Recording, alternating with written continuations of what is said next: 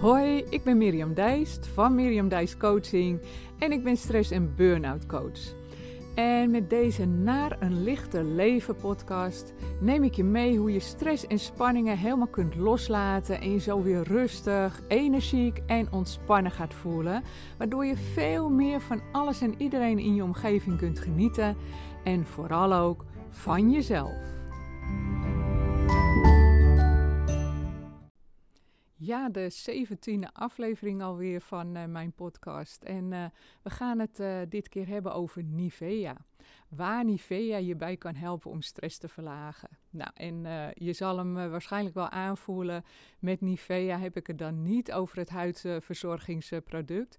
Maar het is gewoon een handig ezelsbruggetje bruggetje naar de afkorting niet invullen voor een ander. Nivea dus. Nou, en dan uh, komen we daarmee ook gelijk op een van mijn favoriete thema's, namelijk wat je in je hoofd allemaal doet. En dan heb ik het over die gedachten. Hè? Welke gedachten laat je toe? En dan ook de relatie daarmee tot stress. En laat ik uh, dan uh, even beginnen met een voorbeeld van mezelf daarvoor te geven. Hè? Dus over dat juist wel invullen voor een ander. En uh, degene die mijn nieuwsbrieven volgen, de stresswegwijzer, uh, die kennen dat verhaal wel. Het is al een tijdje geleden hoor dat ik dat uh, heb gepubliceerd. Maar dat was ook, het speelde zich af in de zomer, afgelopen zomer. En nou, ik dacht, ik kan wel een paar nieuwe witte gimpen gebruiken. Mijn andere waren echt versleten en nou ja, ze liepen zo lekker en passen makkelijk overal bij. Dus ik in het weekend naar de schoenenwinkel een aantal gimpen gepast. En uh, nou, helemaal een ideaal paar gevonden. Dus ik uh, loop met die ene gimp naar de, de kassa, vraag van, goh, heb je ook de andere? Want uh, deze zitten goed, die wil ik graag hebben. En even later komt ze terug met de linkergimp. En ik zeg, nou prima, ik stond al klaar met mijn portemonnee om af te rekenen. En ze zegt, nou, ik zou ze eerst maar even passen, want je weet nooit of de ander ook goed zit. Oh, nou ja vond het eigenlijk onzin, maar ik dacht, laat ik het maar doen. Uh, hè, zij is de verkoopster, zij weet het. Laat ik me maar even leiden door haar uh, advies. En nou ja, eigenlijk, ik paste hem aan en het zat helemaal prima. Ik liep nog een stukje, dus ik zeg, nou, ik dacht het al, maar ze zijn helemaal goed. Oh, zegt ze, nou, uh, laat mij eerst maar even kijken. Nou, vond ik eigenlijk ook wel een beetje gek. Maar ja, ik liet het, net als dat andere, toch maar even toe. Ik was er. En dat vond zij ook. Je bent er nu toch, dus laat me kijken. Nou, toen zegt ze, ja, ik vermoed het al een beetje, maar deze uh, kant, die linkerkant, die is dus echt te klein. Dus waarschijnlijk zijn je voeten niet even groot, want uh, dit kan zo niet. Nou, en ik keek er echt verbaasd aan en ik voelde zelf nog even, er zat gewoon een, nou, bijna een centimeter, nou laten we een halve centimeter ervan maken, ruimte tussen. Maar het voelde ook prima als ik erop liep. En uh, ik zeg, nou ja, ik had maat 39 ook gepast, maar die was echt te groot. En zegt ze, ja, maar dat uh, heb je met dit merk. Ze hebben geen uh, maat 38,5, dat is zo jammer. En ja, deze is te klein. Nou ja, als je dan hebt over uh, niet invullen voor een ander, dat deed ik op dat moment wel. Ik ging me echt afvragen van, goh, waar bemoei je mee? Ik wil helemaal geen maat 38,5. Deze zit prima. Maar dan ging ik verder met mijn gedachten van... Nou, ze heeft zeker uh, haar dag niet. Of uh, ze wil me die uh, gimpen niet verkopen of zo. Of, het was toen ook zomer... Misschien is ze al die tijd nog niet met vakantie geweest... en is ze heel erg aan vakantie toe. Maar ja, goed, zolang je niet vraagt wat de reden is hè, dat iemand zo doet of reageert, ja, dan kan je natuurlijk nooit zeker weten wat er dan aan hand is. Hè. Je kan het wel vermoeden, maar ja, wie zegt dan dat jouw gedachten op zo'n moment waar zijn?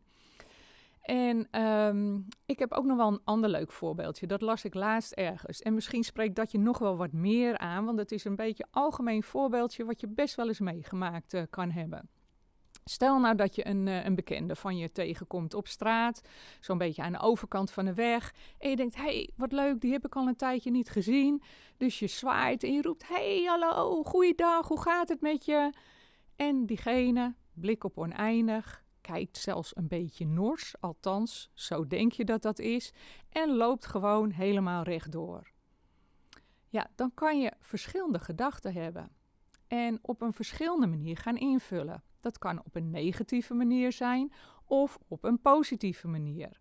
Nou ja, aangezien ons brein meer gericht is op het negatieve, En nou ja, daar kan ik wel weer een hele andere podcast over maken. Neem dat maar eventjes uh, van me aan waarom dat zo is.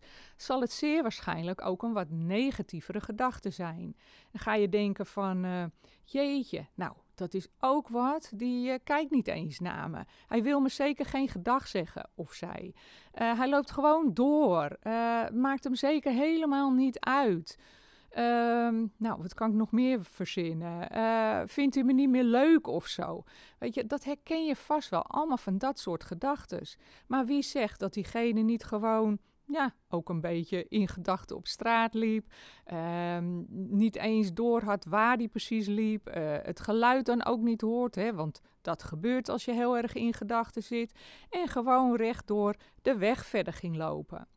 Maar onderhand vul jij het wel in met die gedachten en kan je ook voorstellen dat zo'n negatievere gedachte je dus ook negatieve emoties oplevert.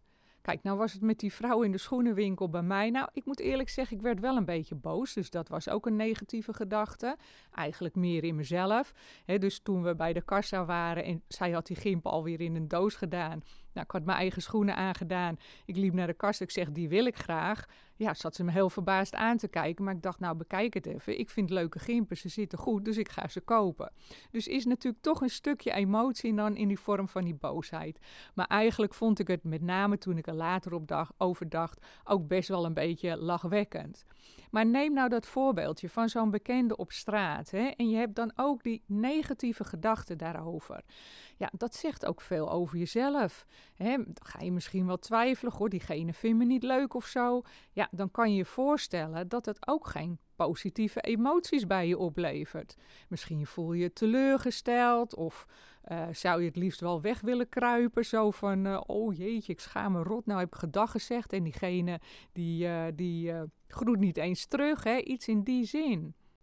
En uh, ja, met deze voorbeelden zal je vast ook wel uh, zelf iets herkennen.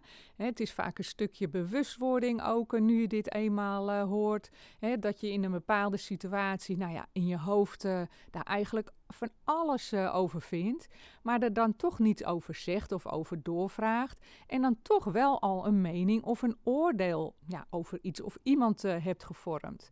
Nou ja, en dat is natuurlijk helemaal niet uh, handig, want hè, vaak zijn dat soort gedachten dan ook negatief getint. En gaat het dus samen met zo'n negatievere emotie, wat ik net ook vertelde. En denk dan maar eens uh, aan, uh, aan andere gedachten. Ehm, bijvoorbeeld vraagt een collega: Jeetje, ga jij je deadline nou wel halen?